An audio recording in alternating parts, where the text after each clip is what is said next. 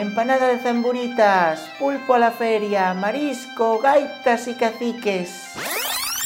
Eso é todo o que coñeces de Galiza. Rachamos cos tópicos. Somos herdeiros dunha dictadura cultural Fomos as víctimas dun ataque brutal Actualidade, feminismo, música, literatura, historia regueiza e moito máis. Benvidas a Ireki Gaiola, o espazo galego de Bilbo Iría e Racía. Rianjo, Sanjenjo, Vivero, La Guardia, Órdenes, Buen Muerto, Puerto Sin, Puerto Son, Dime cantos son, son, un, dos, tres, cuatro, cinco, seiscientos anos de represión.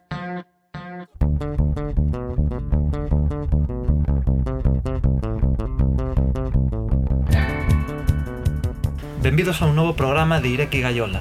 Ose, Senén, Xosé Maiseu Brais retransmitimos desde o 96.0 da FM en Bilbo Irio e Ratia.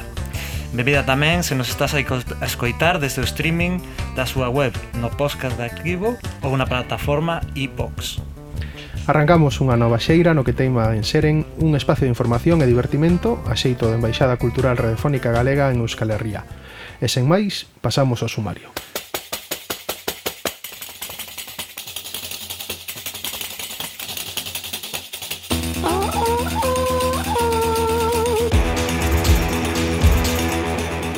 Hoxe iniciamos a tempada de Ireki Gaiola cun programa temático adicado a unha lacra social tan bella como a humanidade, a corrupción. A corrupción é un termo que en xeral indica o uso indebido por parte dun funcionario da súa autoridade e dos dereitos que lle son confiados, así como da autoridade relacionada con esa oficialidade, oportunidades, conexións para beneficio persoal, contraria á lei e aos principios morais descomposición, putrefacción, podredume, peste, fermentación, corruptela, depravación, perversión, vicio, prostitución, envellecimento, deshonestidade son sinónimos que definen o tema que hoxe trataremos en Ireki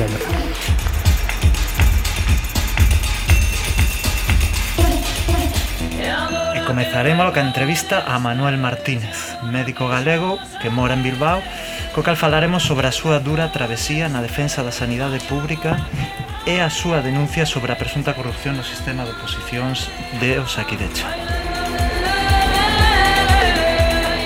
A seguir, e para saber e coñecer as tripas da corrupción e como tenta a lei combatila, falaremos co xuiz e activista político e social galego Luis Villares. Música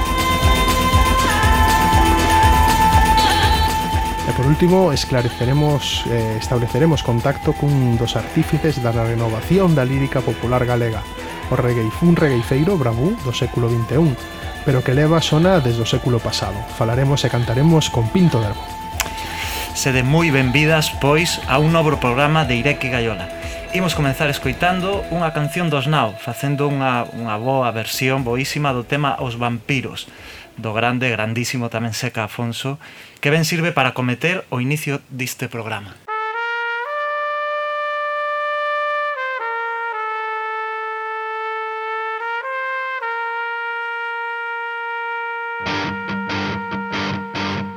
No ceo cincento vai o astro mudo Batendo asas na noite calada Veñen en bandos con pés de veludo Chupar o sangue fresco da manada. A todas partes chegan os vampiros Pousan nos predios, pousan nas calzadas Traen no seu ventre desposos antigos Mais nada os prende as vidas acabadas. Eles comen todo, eles comen todo Eles comen todo e non deixan nada Eles comen todo, él es comen todo, en donde nada, nada.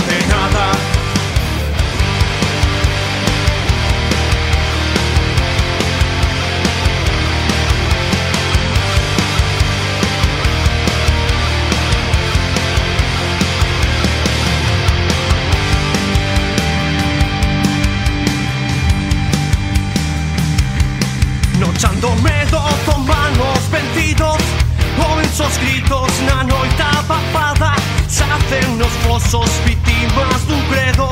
E non si sgota o sangue da manada. Sono os mordomos do universo todo. Amos a forza, donos en ley. Enchen as fullas, beben viño novo. Danzan a ronda, no pinan o rei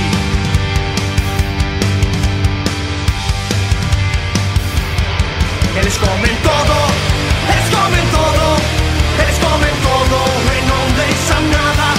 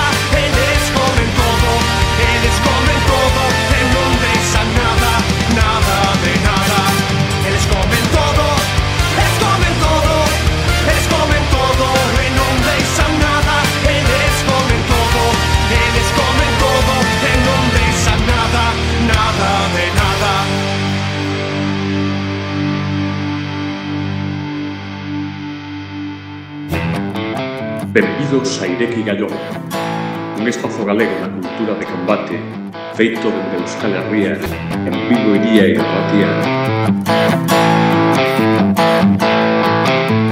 Manuel Martínez é médico anestesista galego afincado en Bilbao. O pouco de chegar sorprendeu un feito. Ficaba en pouco para unhas oposicións e os compañeiros de profesión da súa especialidade non estudaban para ela. Para un galego que vivo pasou na Galiza, onde as oposicións son pouco menos que unhas Olimpiadas nacionais para conquirir ou consolidar o posto de traballo, isto era unha cousa ben estrana. Emanuel, Candam, eh, Candamarto Macho e Roberto Sánchez, dous compañeiros anestesiólogos, recadaron probas e alertaron públicamente da existencia a un sistema fraudulento nas oposicións que tras pescudas posteriores pode ter chegado a atinxir, como sinalan os medios e sindicatos, até a 19 especialidades médicas. O rebumbio e o trato mediático foi desigual. Pros medios teledirixidos polo PNV, a nova foi escasa e posta nas marxes, dándolle máis énfase á versión do ente público que o dos denunciantes. Para outros, menos afins ao partido do réximen penuvista, tratábase dunha proba máis do que case todo o mundo sabe dentro de Osaquidecha. As consecuencias foron a título persoal e remoloneando, dimitiron varios cargos políticos. O diario Vasco recopilou no 2019 as dimisións de John Darpón, conselleiro de Saúde, María Jesús Mujica, directora xeral do Saquidecha, Juan Carlos Soto, director xeral de Recursos Humanos, Ricardo Ituarte, director económico e Xavier Valerdi, subdirector de Xestión, Organización e Desenrolo de Recursos Humanos do Servicio Vasco de Saúde. Mais nada garante que isto non volte a pasar as investigacións esmorecen. No 2018, Saquidecha abriu unha investigación interna. Concluiu que non había indicios objetivos para soster a acusación. O percorrido judicial da denuncia está de cair sen que pareza que vai a chegar a celebrarse suizo. Se casi, queremos reivindicar a estes tres traballadores que tiveron a valentía de xogarse o rostro, a imaxe e incluso o posto de traballo. Oxe temos aquí canda nós para falar de todo isto e máis a Manuel Martínez. Ongue Torri, moi boas, Manuel. Boas, que tal? Eh, como te decataches exactamente de que as oposicións nos aquí de non eran limpas, que, que eran trampulleiras? Pois, bueno, así máis ou menos como, como fixeches ti no, no resumo do, da, da historia que, que foi tal, tal que así. Eu, eu dime conta de que de que a xente non estaba estudiando, quedaba un pouco tempo, había unha sospeita de que se iban convocar unhas oposicións o pouco de eu empezar a, a traballar en Osaquidecha e, e un día vin a Roberto Sánchez precisamente que estaba estudiando árabe e porque, bueno, hai moitos tempos mortos, non as guardias e tal, entón estaba ali pues, estudiando árabe. E eu dixen, pero ti que carallo faz? O sea, tes dúas especialidades, levas traballando todavía en Osaquidecha, levas, po, te va, pues, vai facer ahora 50 anos ou está por aí xa ten moito tempo traballado era o momento de sacar a, a OPE vamos, en Galicia seguramente hmm. eh, eh, tería unha reducción de jornada ou collería vacacións para estudiar. E el aquí escarallouse o sea, foi como, pero que dis rapaz o sea, eh, eso aquí non vai así sabes? aquí non aquí non vai estudiando das opes e aí, aí me din conta uh -huh. e cando empezas cando empezas a, a descubrir a cando empezas a descubrir eh, esta, estes indicios de que, de que hai algo fraudulento, empezades a recoller probas, non? Eh, como, como, non... como, como eh, o proceso de ir buscando... A ver, non, non é que sexan indicios, é que é algo que tan, o sea, está tan naturalizado, vemos aquí de xa, todo o mundo sabe, o sea, todo o mundo sabe que os médicos especialistas en Osakidecha sacan as plazas con porque dan os exames. É dicir, tens que esperar, tens que mm, eh, que ser mm, un bocán e non ladrar cando amo cando amo che dá unha lavazada e, e esperar o teu turno entón sabe, todo o mundo sabe que si, si non eres un tío problemático como nos pois, pois algún día chegará o teu turno. E os que son problemáticos pois digamos que pasan toda a vida concatenando eh, contratos eh, eventuais pero que vamos que unha cousa quero dicir eh, os aquí de en case todos os temas de saúde por eso de un toque a España eh, pois mm, igual a temporalidade roza o 40% eh, é unha cousa que se, que se pode alargar durante anos hai moitísima uh -huh. xente con 50 anos que non te emplaza uh -huh. e que leva, pois eso, 25 anos traballando e, e concatenando, pois eso, contratos temporais eh, baixas, acúmulo de tareas bueno, é unha uh -huh. cousa... Pero, pero entendo que antes de que saíra desa a, a prensa e a, e a opinión pública denunciando uh -huh. isto Tivestes que, non? Sí, que ter eh, algo que apuntalara sí. un pouco a, a denuncia, non? Bueno, o primeiro que fixen foi foi ir ao meu sindicato daquelas, que eu, eh, bueno, era un sindicato bastante mm, que, que me dá un pouco de vergonza decirlo, verdad? Pero eu, eu afiliei no, no seu día afiliei meu GT porque estaba moi queimado con, con comisións por por este este home que tamén era médico. Uh eh, que acabou acabou en, acabou con Aznar na, na FAES, como se chama uh -huh. este, home, joder, o, este que lle firmou Fidalgo. A, ao Fidalgo, hostia. Uh -huh. E, e bueno, como en sanidade hai que tiñas que estar algunha cousa así grande, pois pues, no seu día filei meu GT. E cando cheguei aquí, a verdade é que, é que fun ali a decirles, oye, mira, que pasa isto? E dixeronme, ai, non, non, No, esto, esto me en otro día. Eh, entonces fue otro día, entonces hablé con otro maestro y le dijeronme, ay no, no, no, esto, verás rapaz, esto, esto pasa en todos lados. Y, mira, que nos firmamos esto y esto mejor que esté escalado. Yo, ay carajo. Entón, pois, afileime a SK. Uh -huh. e aí empezou pois a nosa a nosa recabación de, de probas, non? Entón, pois pues, bueno, eh, pusemos unha, unha denuncia no Ararteco, outra na Fiscalía, outra... Bueno, chamamos a moitas portas. Por eso tamén nesta OPE tiña que saltar, porque chamamos a tantas portas que, sabe, a, a xente estaba con un pouco a mosca tras as orellas, non? E, e entre outras cousas, pois Roberto que coñecía perfectamente como funcionaba o hospital de, de, de Vitoria, pois fixo unha, unha lista co, cos que ele pensaba que iban sacar a plaza. E cal foi a casualidade, joder, que, que o que puso o examen este ano foi o, o xefe de servicio de Vitoria e entón a súa lista foi tal cual os primeiros postos na OPE todos, o sea, por orden incluso. El dixo, a primeira que está na lista esta, a segunda esta, a segunda. Pois foron a número 1, a número 2, a número 3, a número 4, increíble. Eh, eh, cal foi a resposta de Osakidecha e, eh, bueno, eh, do resto de compañeiros de, a, de ah, profesión? A resposta de Osakidecha foi moi graciosa. Chamounos de todo, dar pon no Parlamento, dixemos que éramos, chamounos kamikazes, dixemos que éramos uns kamikazes, que éramos... Eh, os sinvergonzas e demais, entón fixeron unha investigación interna que foi moi graciosa porque porque hai moitos testimonios que se, despois se filtraron de cando empezou a, a investigación judicial que porque está todo grabado. E hai moitos testemunhas, testemunhas de, nesa propia investigación interna que din que sí, que sí, que todo, todo é así. E en cambio a investigación esta dos aquí de hecho dixo que no, aquí non ha pasado nada. Esto, esto limpio, limpio, vamos Esto limpo un como, como unha patena. e, e dixo que nada, que non pasaba nada e que isto era todo todo invento nos. E os compañeiros que, que dicían? Os que pues estaban... mira, nos primeiros días a nos chegaron as cousas como hai sogas preparadas para vos e cousas así. O sea, quero que te fagas unha idea do que do que pensaron os compañeiros. O sea, de eso nos dixémoslo nunha das primeiras entrevistas porque eso chegou unos anos por terceiros. E, e sí, porque isto, claro, é un eh, a xente como que, bueno, a maior parte da xente como vai a acabar eh, tendo plaza eh, pois está, digamos, contenta. Un dos unha das, das principais eh, argumentos a favor que teñen eles é euskera.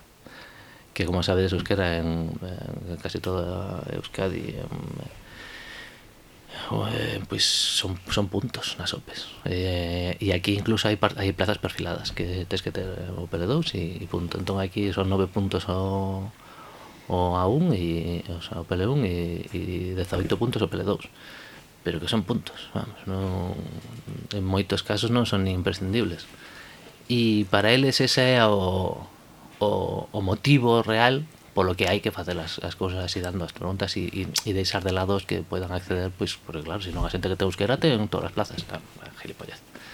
o sea, E eh, toda esta xente que estás falando, bueno, como eh, Darpón, eh, bueno, conselleiros, uh -huh. directores, eh, directores de hospitais e todo isto, uh -huh que coñecemento teñen de, ah, destas, de destas prácticas? Total e absoluto, joder, son parte, o sea, que, que casi todos son, Darpón é médico, o sea, el tiña unha plaza Darpón sacou a plaza así, estou, o sea, non, non, non o podo non, non o podo asegurar porque, pero vamos, sea, eh, vamos, estou casi seguro. Ainda que Darpón é decir que de familia.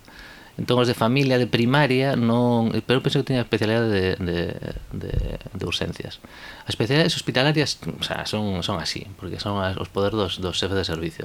En cambio na primaria isto non pasa, o sea, as, as oposicións de primaria de médicos especialistas de, de atención primaria e de e de pediatría de primaria isto non pasa, isto témolo bastante claro. Uh -huh. Tes traballado tanto en tanto en Euskadi como en Galiza. Uh -huh. Eh no funcionamento da administración, relación cos traballadores, eh, tes atopado moitas diferencias, eh, tes te levado algunha sorpresa cando chegaches aquí, eh, por a diferencia con Galiza? Eh, eu levei unha, unha, unha sorpresa e foi que eu pensaba que aquí a xente era bastante máis eh, guerrilleira, era, que a xente estaba máis organizada no traballo.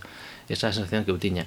E en cambio en sanidade, supoño que en outros sectores sí, pero en cambio en sanidade, pois, daba a sensación de que non, non salí eh, uf, ali pola mínima montamos un pitote tremendo, o sea, tremendo. Eh, no servicio do que eu veño, eu veño dun hospital, eu formei un hospital que é o Hospital Xeral de Vigo, que era un hospital moi moi con moita fama de esquerdas e eh, galeguista e demais. E de feito, eh, cando se, se unificaron os dous, o pequeno, que foi o, mes, o mesoiro, foi co que quedou con todas as facturas de, de servicio e demais, foi, o sea, o hospital pequeno sobre o grande, que foi unha, unha paradoxa, estas, porque, uh -huh. bueno, como se estaba gobernando o PP e o- ese un hospital moi distinto digamos. Eh, pois eu veño dun servicio que, que había un, un bote para abogado sabes, cada vez que lle decía algunha cousa así era "Tss, eh, hai que poñer bote para abogado e soltaba pasta e se iba a falar co abogado o sea, así, directamente o sea, así vai paseando os sindicatos incluso, sabes, porque en sanidade outras cousas que pasa é que a maior parte dos sindicatos non son sindicatos, son, son asociacións gremiais e ou os sindicatos do crimen uh -huh. que teñen máis de, de teñen máis que ver coa coa patronal que co traballador, basicamente. Uh -huh. Marta Macho e Roberto Sánchez levaban máis tempo que ti no, uh -huh. no Hospital Alto Deva. Uh -huh. eh, o teu lugar de traballo daquela, polo que dis o fraude das OPEs non é un feito puntual, senón que é un xeito de funcionamento consolidado, Absoluto. estructural sí. en toda en toda esa quidecha.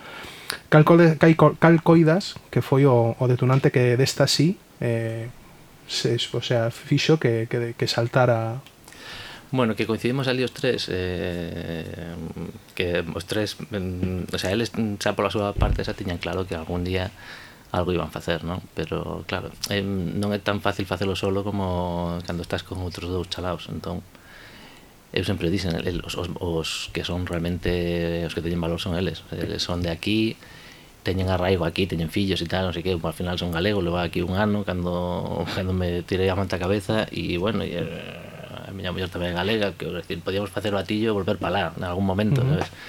os que realmente llevo tan valor son, son eles, pero o que, pois pues, eso, juntámonos os tres, estamos os tres indignadísimos, eu, es que, claro, eu, eu flipei tanto e, e estaba todo, eu estaba todo o día así, en plan, de, pero non pode ser, porque paraba todo o día e dicía, pues, pero non podes decir así de tranquilamente, sabes? Porque todo o mundo iso decía como pero es así, claro. E entón, claro, pois, pois como estaba tan flipado e eles xa ah, viñan escamados desto, uh -huh. pois... Confluíste des aí e, eh, sí, eh, e decidiste una, para diante e denunciar, non? Unha reunión cósmica. Ajá. E dices antes, Manuel, que os sindicatos no, no ámbito médico son gremiais ou son criminais. Eh, son o. Entón, cal coidas que pode eh, ser máis efectivo o gremial ou os sindicatos de clase que tamén algúns están eh, están incluídos no eh, Penso que, o sea, Aí, por, por definición un sindicato ten que ser de clase. O sea, o problema é que hoxe en día, pois, bueno, e sobre todo na sanidade, pasa moito que a xente se pensa que non que non pertence á clase traballadora. O sea, como é un sector que que digamos que está bastante ben, non? De tanto de traballo, como sempre hai traballo, eh, por na saúde sempre hai traballo, sempre eh, traballase moito e as condicións non son boas, pero gañase ben, non? Uh -huh.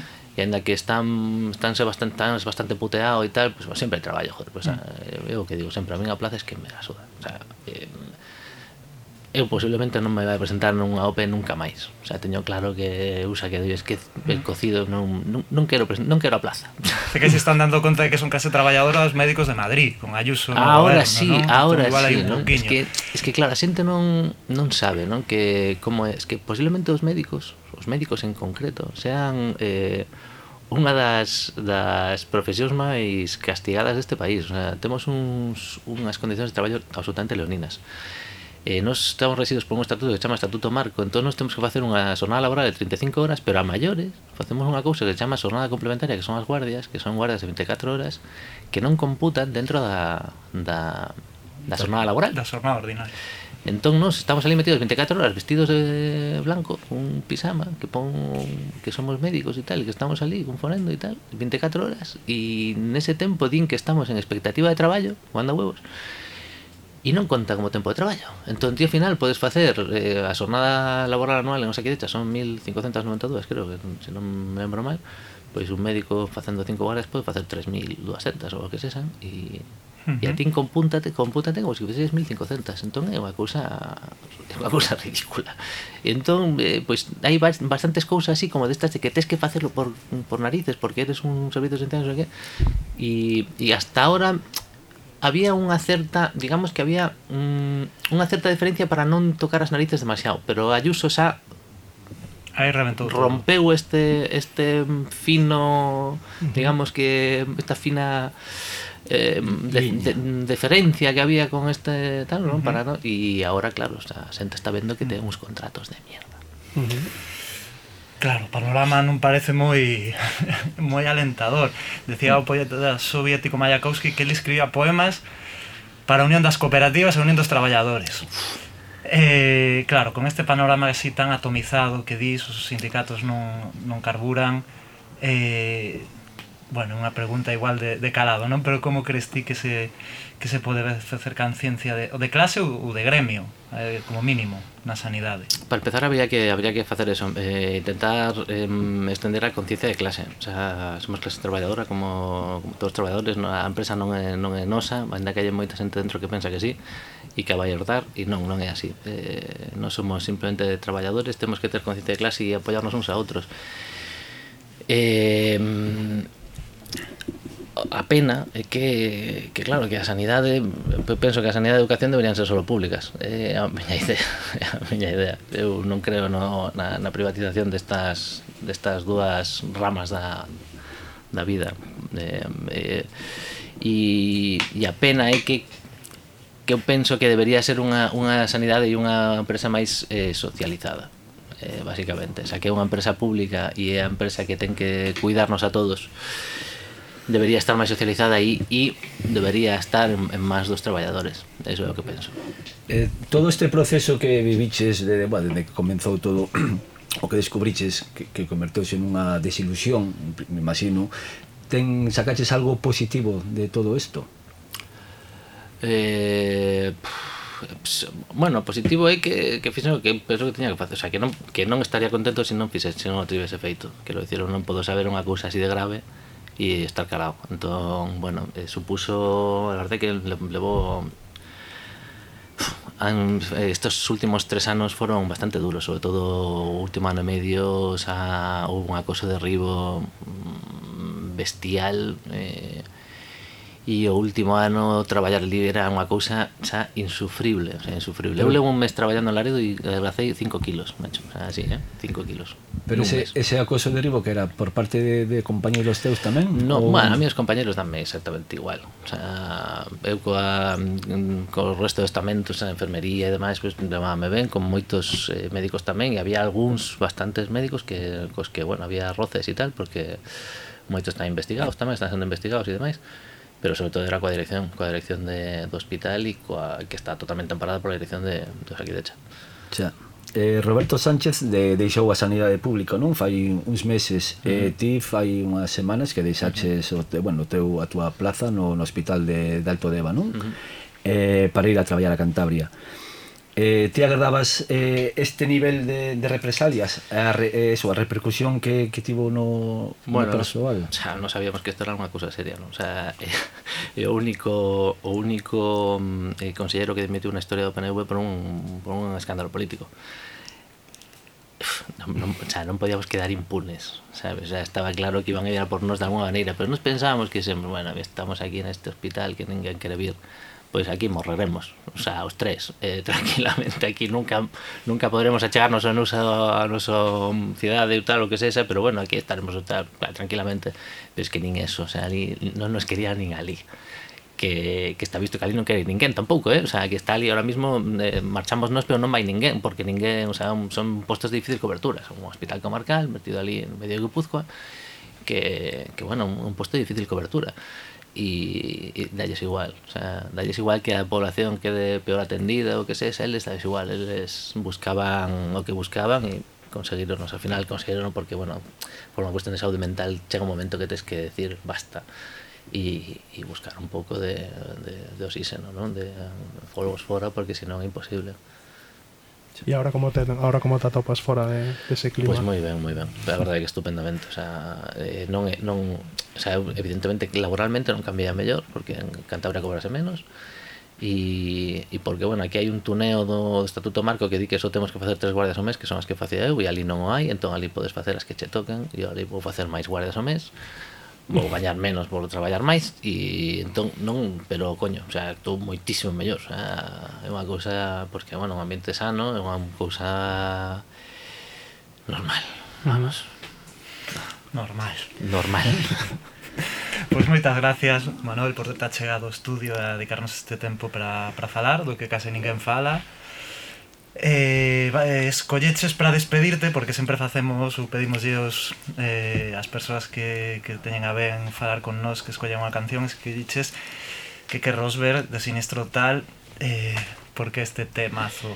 Pois, pois mira, pois eh, sinestro porque, como, como se despiden este ano son vides, pois mira, teña que, teña que decir a sinestro E, e que que Rosberg porque me lembra a miña adolescencia que íbamos, eu veranei varios anos en, en en Ferrolterra e en, en Neda, en Subia Neda e con uns amigos e tal, e íbamos sempre á praia nun Ford Fiesta blanco do seu tío e tiñamos unha cinta que, que, que saía Keke Rosberg e escoitábamos vamos, é un, é un recordo de infancia, de adolescencia total. Un mantra, you know? Sí, sí.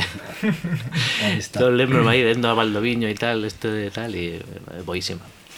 Pois que sí. pois un millón por, por acompañarnos nesta arranque de temporada de, Ireke Gallola, Manuel, e, e moito ánimo e, e moita Gracias. forza. Gracias. Eso. Moitas grazas. Sí, A gracias vos. por ir.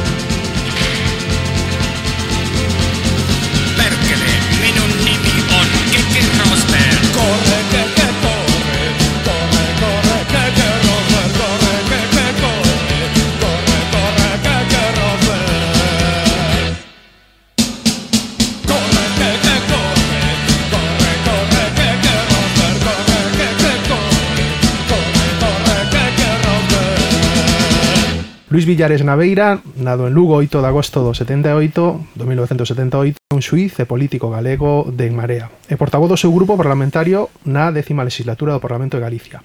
En febreiro de 2020 anunciou o seu abandono da política antes das eleccións do Parlamento de Galicia de 2020 licenciado en Dereito pola Universidade de Santiago de Compostela e especializado na rama de Dereito do Consumo. Suiz de carreira dende o 2005 e exerceu na Fonsagrada do 2007 ao 2010 e despois como magistrado do Contencioso Administrativo da Audiencia Nacional do 2010 ao 2011. Titular no Tribunal Supremo de Justiza do País Vasco do 2011 ao 2012 no Xulgado Contencioso Administrativo de Lugo e na Sala do Contencioso Administrativo do Tribunal Superior de Justiza de Galicia. Foi tamén coordinador en Galicia da Asociación Progresista Suíces para a Democracia e é membro fundador da Hermandade Xurídica Galega. Eh, benvido a Ireke Gaiola, Luis. Grazas por adicarnos estes minutos para eh, conversar con nós. Pois moi boa tarde a Rachaldeón e eh, moitas grazas a vos por convidarme a Escaracasco. Boa tarde, Luis. Eh, así para, para abrir eh, a batalla, eh, por que decides adicarte a xudicatura? Bueno, eh, a verdade é que no seu momento, cando rematei a, a carreira, estaba, bueno, facendo así, empecé a carreira universitaria, e a cousa puxose moi mal, e entón eu buscaba unha xera que me permitise pois, non ter as ataduras que, que supuña a nivel de ter xefes non? na universidade, un, un espazo que me dese liberdade, que me dese independencia, ao mesmo tempo que me dese tamén forma de canalizar pois, unha idea que sempre vive en min de justiza social, non? Uh e entón pareceume que, que o traballo de xudicatura pois, eh, que o traballo de xuiz non? A, esta opción podía ser boa por, por esa razón non? porque me permitía ese ideal que eu tiña de xustiza non? poder facer xustiza desde, desde xulgado no, nos casos concretos non? entonces con esa ansia empecé a preparar as oposicións e, e nada, pues, ao cabo duns anos tive en sorte nada, aquí estou Eh, neste, falamos, neste programa estamos falando da corrupción en Galicia hai obras eh, literarias como O Porco de Pé ou Divino Saeneite tamén regueifas e cantigas populares que levan denunciando a corrupción eh, desde que o povo a sofre non? Eh, eh, ti, Luis, pensas que a corrupción é inherente ao xeito de organizarse os seres humanos? Bueno, penso que a corrupción é unha é, un, é unha patoloxía que, que vive, que se aproveita da, da forma de organización dos seres humanos. Entón, como patoloxía que eh, creo que, eh, que é erradicable, desde logo que é desexable erradicala que pasa? Que, bueno, pues tamén de común de mundo as paixóns humanas, sobre todo, pois pues, algúns dos, dos pecados capitais, que un deles era a avaricia, non? Uh -huh. eh, pois é o que é o que leva seguramente a que a que moita xente aproveite e se aproveite dos demais, porque ao final a corrupción é aproveitarse dos demais, aproveitarse do público, eh, de traer do ben común para o beneficio particular e esa tentación, pois claro, vive sobre todo ademais vive non non, non en que menos ten, sino moitas veces en quen máis ten, en quen está mellor posicionado para poder roubar do público. Xa, eh, xa que estamos falando sobre da corrupción, eh, ti que pensas que, que canto de lei e canto de educación é necesario para rematar con esta lacra? Bueno, creo que, eh, que é necesario é necesario moita pedagogía ainda porque socialmente aínda se sigue se sigue xaleando e todavía pois, son moitos círculos hai xente que sigue presumindo de defraudar a facenda, por exemplo, non? Mm. Eh, entonces, claro, pues en vez de en vez de en vez de denunciar, en vez de enfrentarse a esa persoa, a esa situación, pois en decimos, pues mira que, que ven esta persoa que ou esa empresa que fai así, non? E entón, claro, hai certa é certo que existe certa cultura da corrupción e que hasta certo nivel está está ben visto, non? Ou non está ben visto, pero pero tampouco pero tampouco o xeto dunha censura porque non hai non hai tampouco unha concienciación cidadá e non se ensina nas escolas e nos institutos eh, pois, os valores que deberían de ser contrarios ao que, ao que seña a loita contra a corrupción, non? E iso dá lugar a que despois as institucións eh, a veces non señan tampouco exemplares e, sin embargo, pois, pois se, se permanece a boca pechada fronte a situacións que son absolutamente eh, aberrantes, non? Eh, penso en institucións incluso de máximo nivel como a Coroa, non? Cando, cando o rei emérito pois, soubemos e sabemos cousas eh, das que seguramente por ser el quen é pois é, é máis difícil é, é máis difícil dar ca, dar ca solución ao problema, non? Entón, claro, cando cando cando cando o problema está tan enquistado hasta ese nivel que que incluso os máximos representantes das institucións do Estado eh, están niso, pois claro, que non vai pensar o cidadán da P? Entón, claro, claro. sei que é certo que fai moita fai falta moita pedagogía e despois, por suposto, en coherencia con eso, fan falta vos medios para lutar contra a corrupción e fan falta tamén reformas legais para que as cousas vayan mellor, sen, sen uh -huh. dúbida. Vindo do mundo da xudicatura e tamén da política, supoñemos que, te, supoñemos que terás unha ampla visión dos lazos que unen estas dúas esferas. A hora de que o Poder Xudicial toma asuntos nos casos de corrupción política, con que atrancos vos atopades por parte do Poder Político? Bueno, eh, o, o principal problema que teñen denunciado moitos compañeiros que investigan a corrupción desde o punto de vista penal eh, é sobre todo como as propias administracións que teñen direccións políticas eh, poñen, eh, poñen trabas en ocasións para dificultar o acceso pois elementos que constituen a proba, por exemplo, pois de, de prácticas corruptas, eh, normalmente pois que ligadas a, a decisións de carácter económico, non? Estamos falando, eu eh, creo que a grande corrupción está ligada está ligada a contratación a, a obra pública, determinadas, a determinadas xestións de servicios públicos, e entón aí que é onde está o grosso da, do, do tráfico mercantil que une o público co privado, eh, aí claro, eh, cumple un papel moi importante, claro, todo o rastro documental que se deixa eh, cando se fan operacións pues, eh, que están no, no ilícito, e a veces investigalas non é fácil. Non é fácil porque ten un nivel de complexidade técnica moi grande, porque uh -huh. os medios de investigación a veces son escasos e e, e entón, claro, vamos moi por detrás, e os xuicios do penal van moi por detrás eh, do que é propia dunha realidade que además ten unha dimensión económica, unha dimensión técnica que é difícil a veces seguir claro. o, o resto en tempo real, sí. Uh -huh. Uh -huh. Nos aquí no programa ao principio pensamos en enumerar todos os casos de corrupción política que se, que se, que se deron en Galiza nos últimos anos, pero acabamos coa conclusión de que se iba a papar todo o programa, a lista. eh, entón, ti, ti cales, cales pensas que son os máis importantes a, que, que están abertos en Galiza ou que se, que se abriron ou que se pecharon non? Eh, fai pouco. Mm, bueno, eu máis que máis que dar un, un nome concreto porque eso creo que vemos ou como diste, podías enumerar os, os que considerases máis máis impactantes. Eu creo que é moi importante eh, con relación a eses casos facer unha consideración xeral e que en xeral eses casos duran abertos demasiado tempo.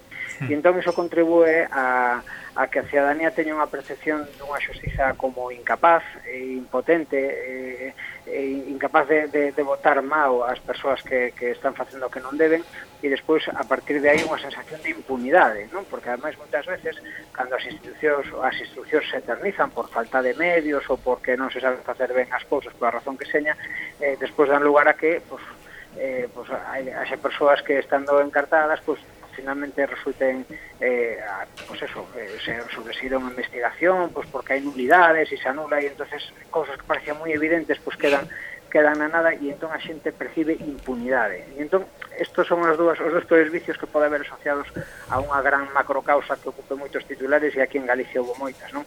Eh, dunha banda que se eternice, polo tanto, esa justiza lenta que chega tarde e chega mal, e despois a sensación de impunidade precisamente ocasionado por esa torpeza da, da, da duración das investigacións, sin dúbida.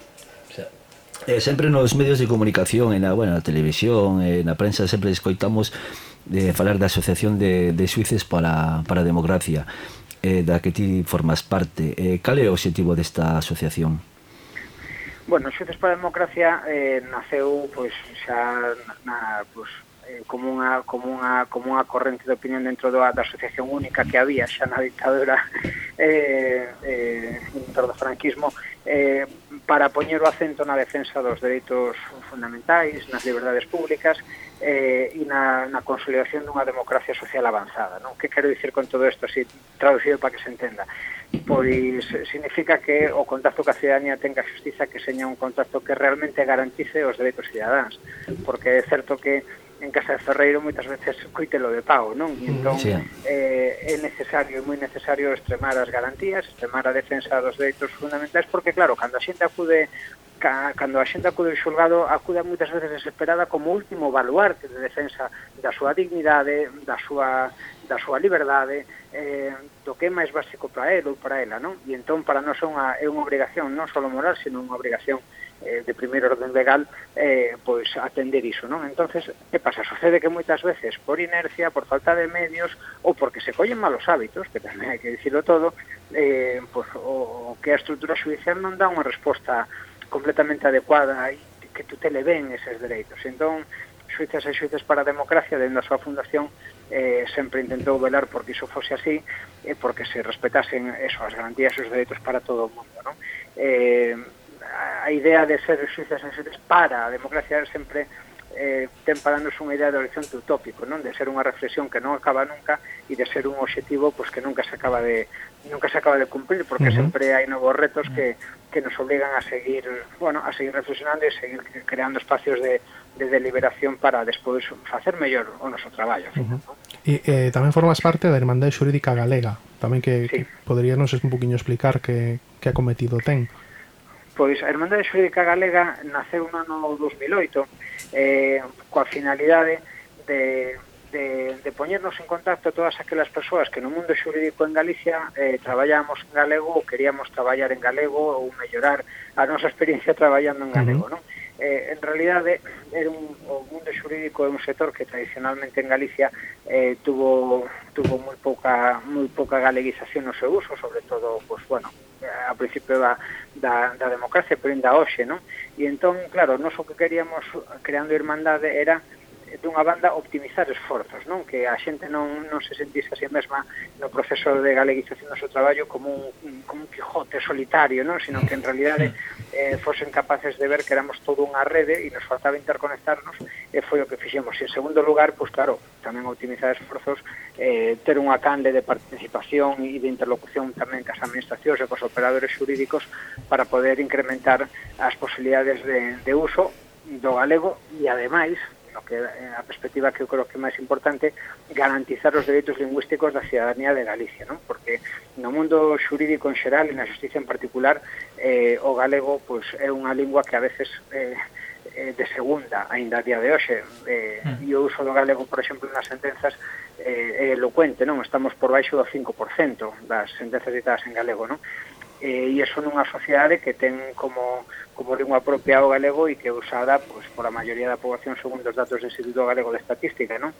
E entón, claro, esa exclusión indebida e, a veces, e non querida, desde logo, non?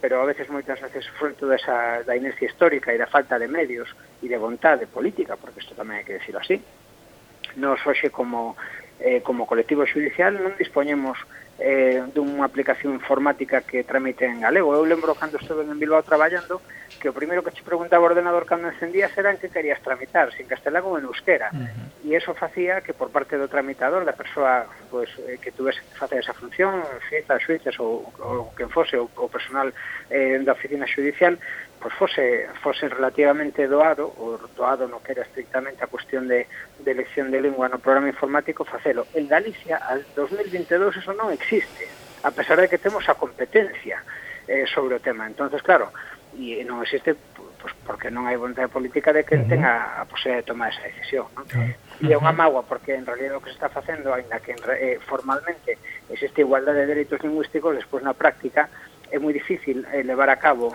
esa cooficialidade eh, porque realmente sale costa máis tempo claro. sacar un procedimento en galego porque moitas veces hai que levar os documentos a traducir, hai que facelos un a un, a tramitación pois pues, pois eso, é máis lenta, non? Entón estás penalizando a quen quer usar unha das linguas cooficiais, non? E eso, pois claro, non deberá ser así. E por eso, pois, nos traballamos para que para que para que iso deixe de pasar.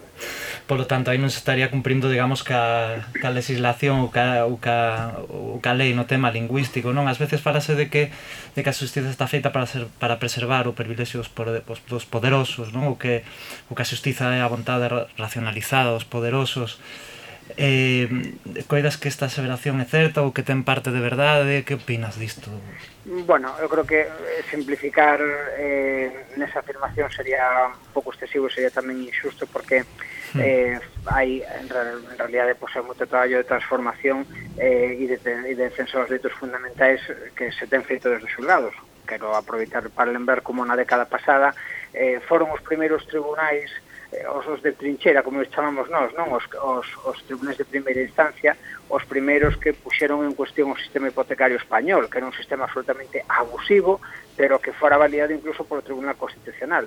Eh, e foi a forza de que eses, de que eses tribunais empezasen, empezasen a formular cuestións incluso ante o Tribunal de Justiza da Unión Europea eh, que conseguiron doblarlle doblar o pulso a, a todo un sistema hipotecario que levaba construído desde os anos 50. Entón, hai unha parte de verdade nesa afirmación que tú dis, que que había un sistema, e sigue habendo moitas partes aínda agora, hoxe institucionalmente, con legalidade aparente, eh, un sistema que privilexiaba unha tutela do crédito fronte a outros bens e outros dereitos que había aí, como era o dereito á vivenda, o dereito á dignidade das persoas a ter un, a ter un, un espacio digno para vivir, E entón, por un lado, estaba ese privilexio, pero por outro lado, vimos tamén que os tribunais foron capaces, aplicando correctamente os dereitos fundamentais pois, que había recollidos tanto na Constitución como nos Estatutos de Autonomía, como na Carta Europea de Dereitos Humanos, na Comisión Europea de Dereitos Humanos, como conseguiron a partir de aí pois darlle, darlle un volco ao, ao, ao legal existente eh, para garantizar algo mellor, con moitas eivas, por suposto, pero algo mellor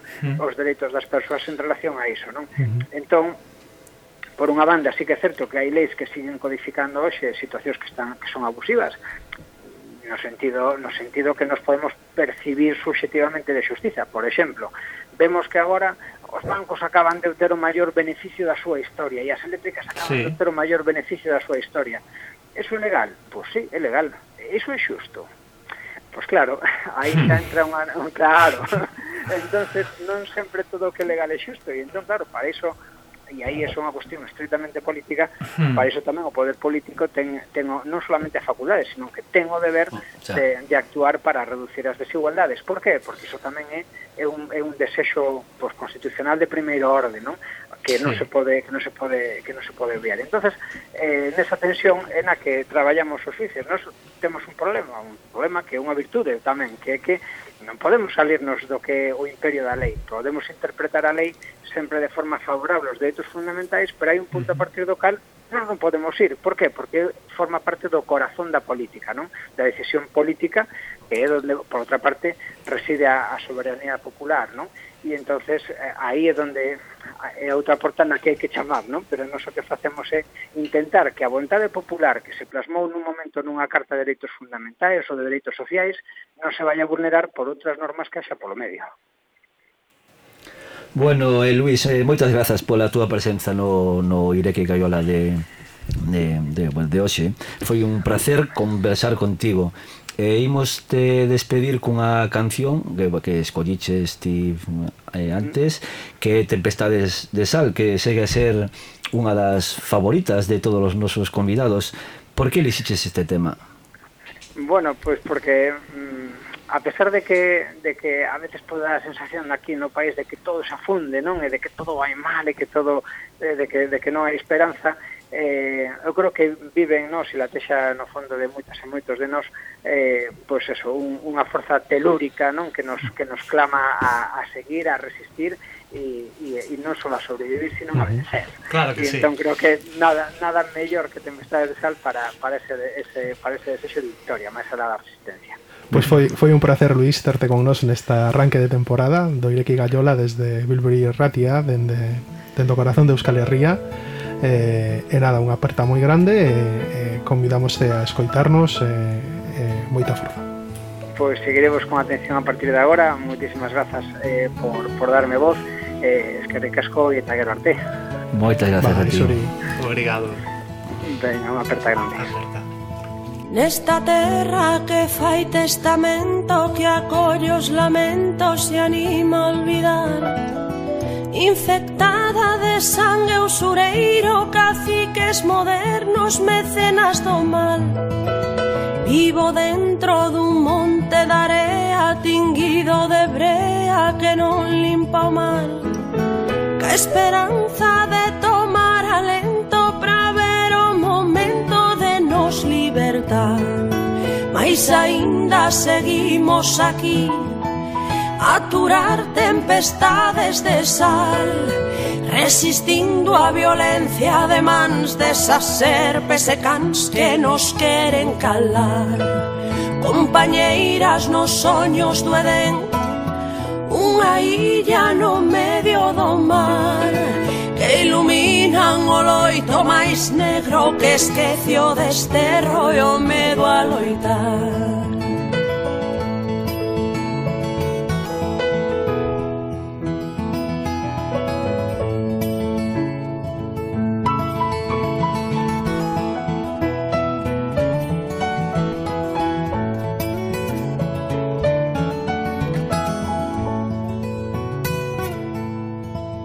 Cando as marcas se gravan a ferro e a dor e a xenreira non deixan sorrir.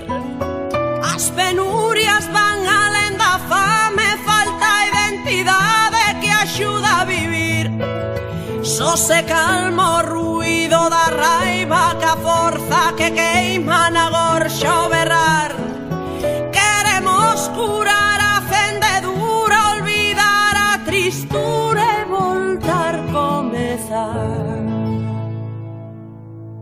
Mas aínda seguimos aquí. A durar tempestades de sal Resistindo a violencia de mans serpes e cans que nos queren calar. Compañeiras nos soños duelen. Unha illa no medio do mar Que iluminan o loito máis negro Que esquece o desterro e o medo a loitar. Nesta terra que fai testamento Que acolle os lamentos e anima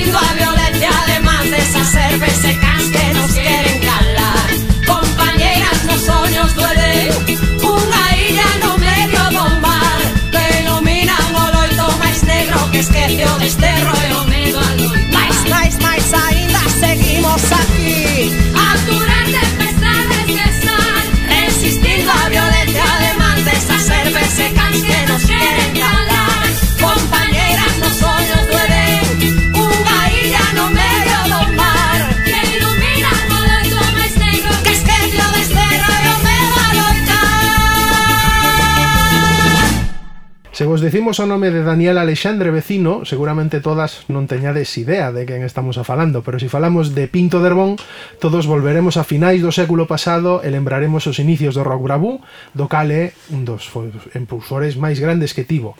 Pinto Derbón, nado no outubro do ano 69 na parroquia de Derbón do Concello de Padrón, é un labrego, músico e regeifeiro galego que se fixo coñecido a principios dos anos 90 co temazo Nitramón 15 15 15 no programa de Antón Reixa Sitio Distinto.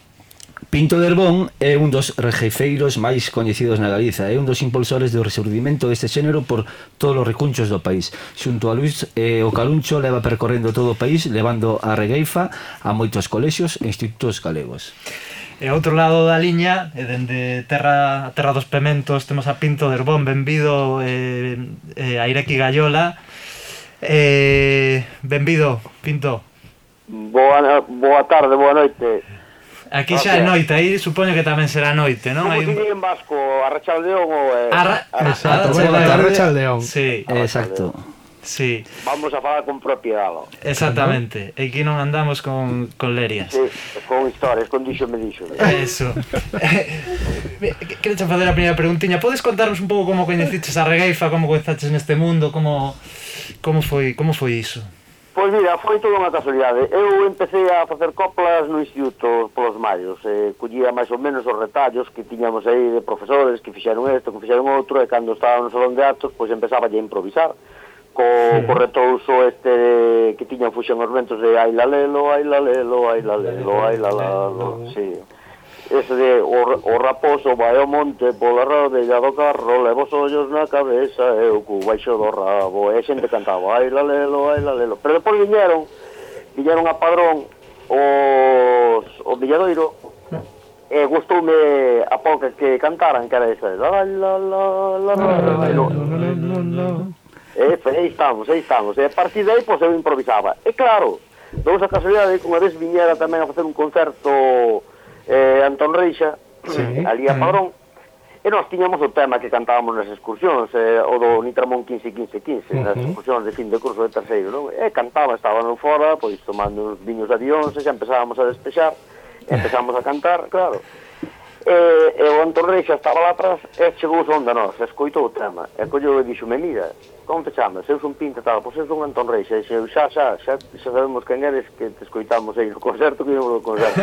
e dixo, mira, este tema grabado nunha cinta e mandada esta dirección. Pero non mandei nada. E pois un día chegou un chaval, un chaval daqui de Padrón que tiña unha xestoría, e dixo, mira, Deronme este teléfono e tal, chama lá Antón Reixa que quere falar contigo e tal. Bueno, eh, chamelle por teléfono e tal, pois puxaronos en contacto comigo e dixeronme que iban a facer un programa así distinto eh, si, se si me interesaba participar e xin eu, bueno, non temos musicado, nin temos nada, pero se hai que participar, participas. E nós menos nunca tivemos, non? Pasábamos igual que María Isabel, antes muertos que sencillos. Eh, E, e, e colleu, e colleu e mandouno, mandou, mandounos aquí a Padrón a Xurxo Souto, daí empezou todo, tío. Uh -huh. Colleu Xurxo Souto, pois estuvamos na miña casa, estuvamos falando, estuvamos cantando o tema e tal, depois fomos á tele a cantar o tema, depois un día, nunha festa, invitoume Xurxo Souto, empecé a improvisar e dixo, eso que faz tierra, jefa? dixo, eso que é? Non sabía. E dixome, si, sí, é unha, un xénero musical de improvisación que, se, que está moi arraigado por unha comarca de Bergantiños, e eh, ali hai regueifeiro vello tal, e xenlle o home, pois eh, está ben que mo digas e tal, pero eu non, non facía pensando que era regueife tal. E unha vez colleu, echa, mandou unha Vigo, eh, e eh, unha Vigo improvisada estaban os vellos regueifeiros. E a partir dai, claro, eu coñecín a, o xénero, despois iba pola disculpa de saber máis da regueifa, e, e como se facía, e que viña, e polo que era, colleu, collín eiva aos domingos a la Bergantiños, pois a disculpa de, de lavarlle unhas plantas de pementos ata os mm. vellos para, para coñecer un pouco máis a historia. A partir de aí foron, fun documentando e fun estudiando un pouco máis o tema da, do xénero, non? da modalidade. E, e, e aí foi cando unha vez que Calviño de Tallo me dixo mira, isto noso, pola regueifa, isto morre, isto hai que lavalo onde están os rapaces, e onde están os rapaces son na, na escola. Eu xa empezaba a traballar ca Asociación Cultural, además era son integrante, da, son membro da, da Asociación Cultural Oral de Valladares, que é a, a Asociación de Regueifeiros, e dixen eu, mira, díxome isto Calviño e ten toda a razón do mundo. Hai que empezar a leválo para a escola. Empezamos a traballar nun proxecto de, de, de Obraveiro de Regueifa, e a partir de aí empezamos eu mascaruncho, pouco a pouco, pouco a pouco, pouco a pouco, e hoxe xa hai xente que, que provén dos nosos obradoiros que está impartindo o obradoiro de Regueifa pola, uh -huh. po, por centro de ensino. E isto cada vez hai máis choio, porque non somos capaces de cubrirlo. Xa. E é máis trufa nos rapaces, claro. porque están saindo rapaces, de, están saindo rapaces do, das, uh, dos colexios.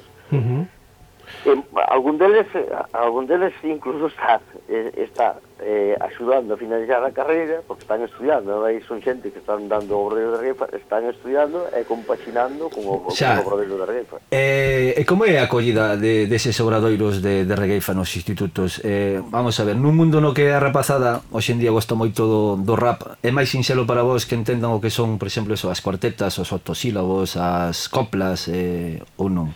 sí que o entenden porque nós sempre lo vamos como unha festa. Vamos a ver, eh, a reguenfa naceu nun foro onde se celebraba, onde se facía festa, que era os casamentos. De feito, a regueifa é o postre en sí, hm?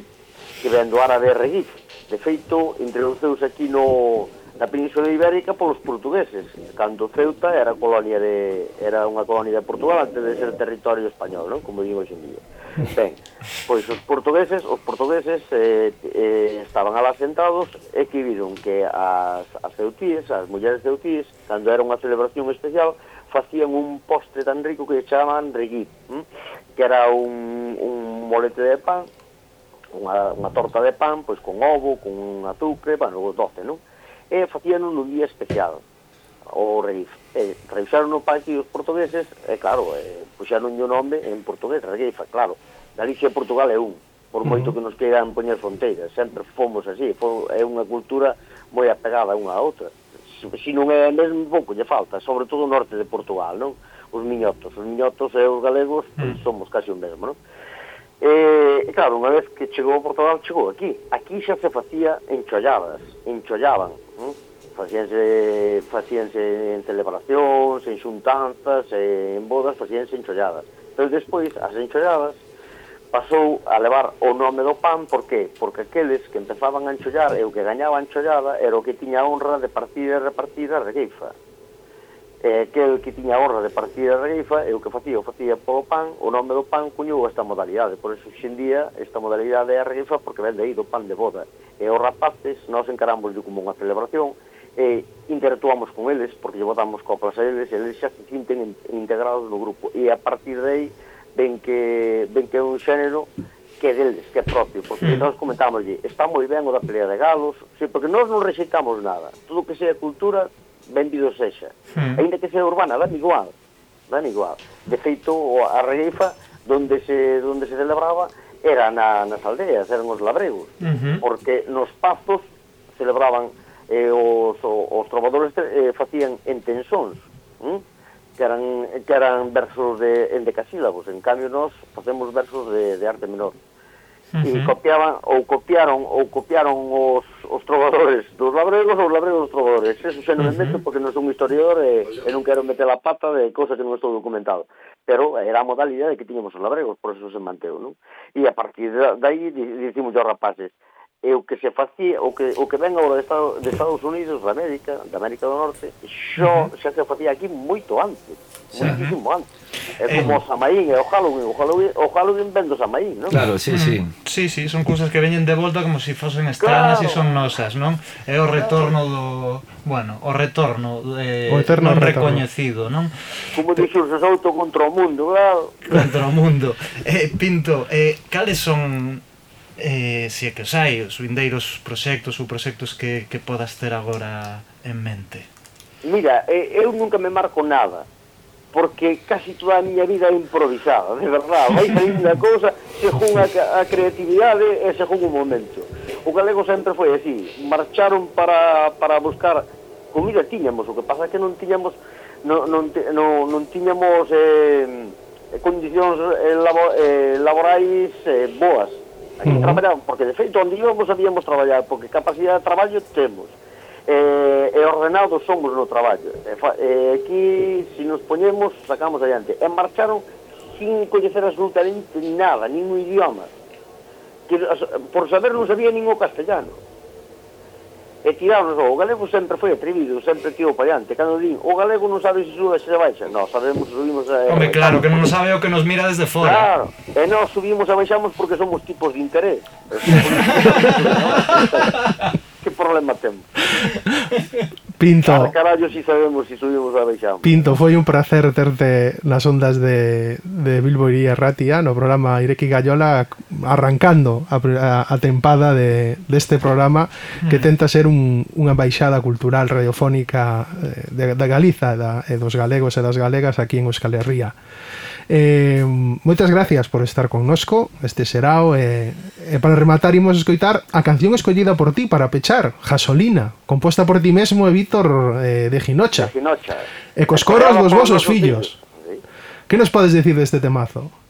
Pois mira, dixárame Xurxo Souto, tens que facer un tema, porque ti, vas, eh, ti faz temas de 10 en 10 anos, e ora como é o 20 aniversario, o 20 aniversario do Brau, tens que facer un tema. Dixinlle, bueno, pois farei un tema. E un día estaba falando, cando estaba a cousa moi mal, estes políticos roubaban, e cada vez, eh, que claro, roubaban, a sanidade cada vez iba a peor, eh, os sueldos cada vez a peor, as condicións laborais a peor, e dixenlle, isto arreglase con gasolina. é un mechero. Pues, sí. É, bueno, si sí, mechero, o que pasa é que esta gasolina poñémola como un proceso neural, é dicir, é unha metáfora, non? Temos que coller forzas eh, suficiente como para pelexar polos nosos dereitos, porque se si os deixamos a eles, en dous días quedamos sin eles. Bueno. E por eso é eh, o que lle transmite aos rapaces, amigos, nadie nos regalou nada, e os nosos vellos no franquismo pelexaron por dereitos laborais derramando sangue. Por eso nada é gratis, tíos, hai que pelear. Xa. E pelear con xeito, con sentido, pero pelear polo noso, porque o que temos, o público, é o que temos nós. Entendo, hmm. os recursos públicos é o que temos, nós temos que defendelos, porque os ricos teñen cartos e, fan, e van onde queren, e se nos teñen roubanos porque teñen acceso a eles, sabes? Xa. Non todos os ricos rouban, pero... Eh, pero, eh, pero unha inmensa hai, maioría. Hai, hai, hai algún grupo que sí sí. Xa. Pois pues moitísimas gracias. Moitas gracias por, por estar con nos, Pinto. Eh, unha aperta moi grande desde, dende Bilbao. Eh, e pasamos a escoitar este, este temazo que nos, que nos presentas. Gracias a vos por contar comigo e máis por ese programa, vale? Vale, vale. Es que ricasco... Unha aperta. Unha aperta. Saúde terra.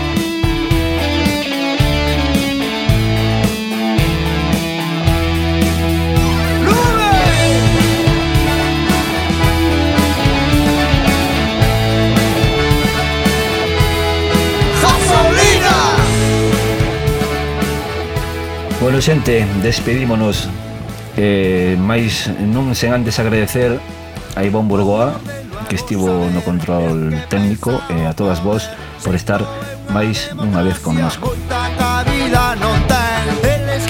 Hoxe toca comenzar a tempada E tras o verán e unhas vacacións estamos a co de novo Tentando ofrecervos pequenos anacos do mundo social e cultural galego A través de convidadas e convidados estupendos.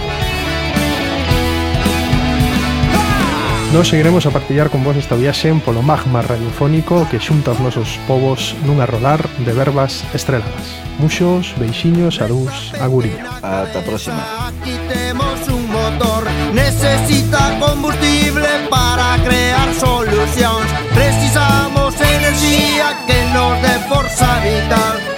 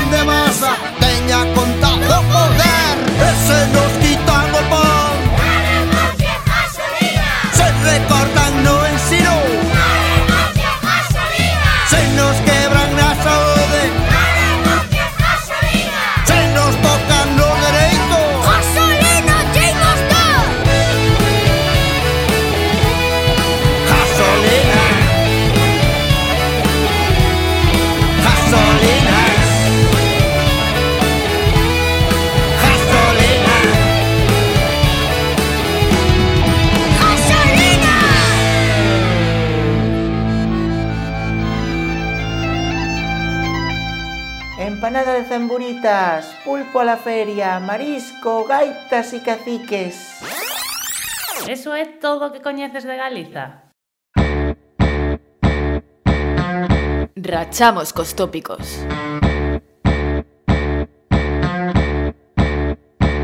Somos herdeiros dunha dictadura cultural Fomos as víctimas dun ataque brutal Contra o noso Actualidade Feminismo Música Literatura Historia Regueiza e moito máis Roma, Roma. Benvidas a Ireki Gaiola, o espazo galego de Bilbo Iría Racía. Rianjo Sanjenjo Vivero La Guardia Órdenes. Buen Muerto Puerto Sin Puerto Son. Dime cantos son. Son un, dous, Tres catro, Cinco seis Seiscentos anos de represión